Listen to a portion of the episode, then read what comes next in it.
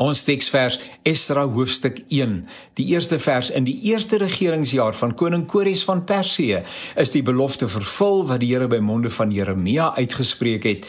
Die Here het koning Kores van Persië laat besluit om dwars oor sy ryk 'n proklamasie te laat afkondig.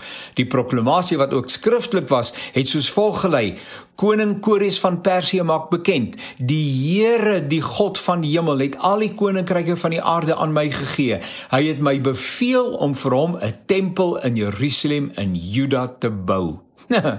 die gevaar is groot dat ons lees maar nie sien nie. Die groter narratief hier vir ons is dat die koning van Persië besluit het om ook ter wille van die lojaliteit van sy onderdane mense te laat teruggaan na hulle geboorteland en daar kon hulle na hartelus hulle heiligdomme en hulle huise herbou en die land bewerk. Maar wie fyner oplet sien dat die Here die oortuiging in die hart van hierdie ongelowige koning bewerk het en dat hy selfs die koning van Persië daaraan erkenning verleen het. Hy sê die God van hemel en aarde het my bevel opdrag gegee. Jy sien God is in beheer ook van die geskiedenis. Ek herinner my hoe dit ons professor ons as studente geleer het. God is op pad met hierdie wêreld van die proton na die eskaton, van die begin na die einde. En dan het hy gesê die wêreld is soos 'n trein op 'n traject. In hierdie kompartement maak mense oorlog en in 'n volgende liefde. In daardie kompartement hou mense kerk en in die volgende is daar 'n partytjie aan die gang. Maar hierdie trein is sal is op pad op hierdie traject en hy sal by sy bestemming uitkom, sy God bepaalde bestemming.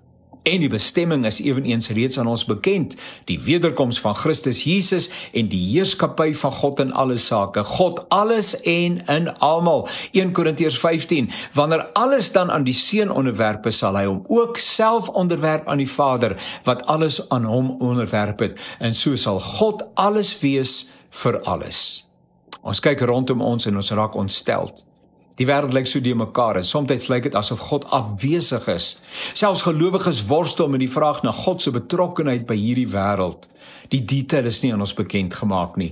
Die detail van dit wat rondom ons gebeur en waarom en hoe nie, maar die eindbestemming wel. Ek het dit hierbo aangedui. Iewers sê die Bybel, moenie ontstel wees nie. Glo in God, glo ook in my. In die huis van my Vader is daar baie woonplek. Ek gaan om vir julle plek voor te berei.